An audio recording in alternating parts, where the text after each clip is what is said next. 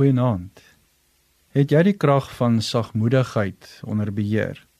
In Matteus 5 vers 5 lees ons: Geseënd is die sagmoediges, want hulle sal die nuwe aarde ontvang.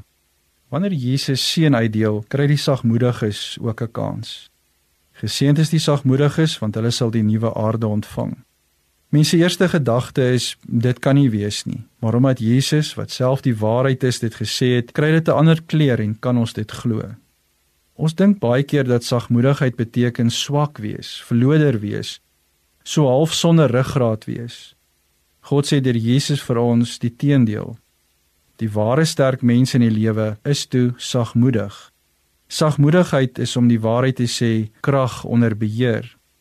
Die woord vir sagmoedigheid in Grieks is die woord prautes, wat mens dadelik letterlik laat dink aan 'n wilde perd wat ingebreek is. As jy 'n wilde perd vind in die veld wat sterk, oningebreek en onbeheerbaar is, sien jy verseker brute krag in aksie. Sou jy dit naby aan hierdie sterk en wilde kragrees waag, is een ding gewis: jy gaan bloei.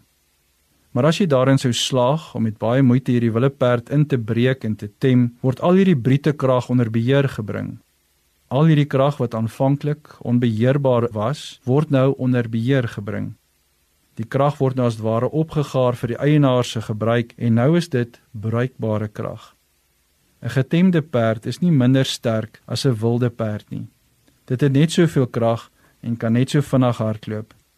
Dit is prauties, sagmoedig wees, krag onder beheer. Wees sagmoedig en jy het al die krag onder beheer. Jy's nie minder sterk nie, maar jy's in beheer, gelei deur God se gees. As kind van die Here oorreageer jy nie. Jy's in beheer van jou emosies en keuses. Met sagmoedigheid ontlont jy konflik. Jy ontwapen jou kritisie. Jy's oortuigend, jy's aantreklik, jy trek mense aan. Jy kommunikeer liefde en verdien inderdaad mense se respek. Sagmoedigheid maak jou soos Jesus. Sagmoedigheid kan nie nagemaak word nie. God se gees bring dit in jou lewe voort. God se Gees bring al jou wilde krag van menswees onder beheer en hy gebruik jou sagmoedigheid om te getuig vir hom. Kan jy jou lewe met iets beter vul as dit? Kom ons bid.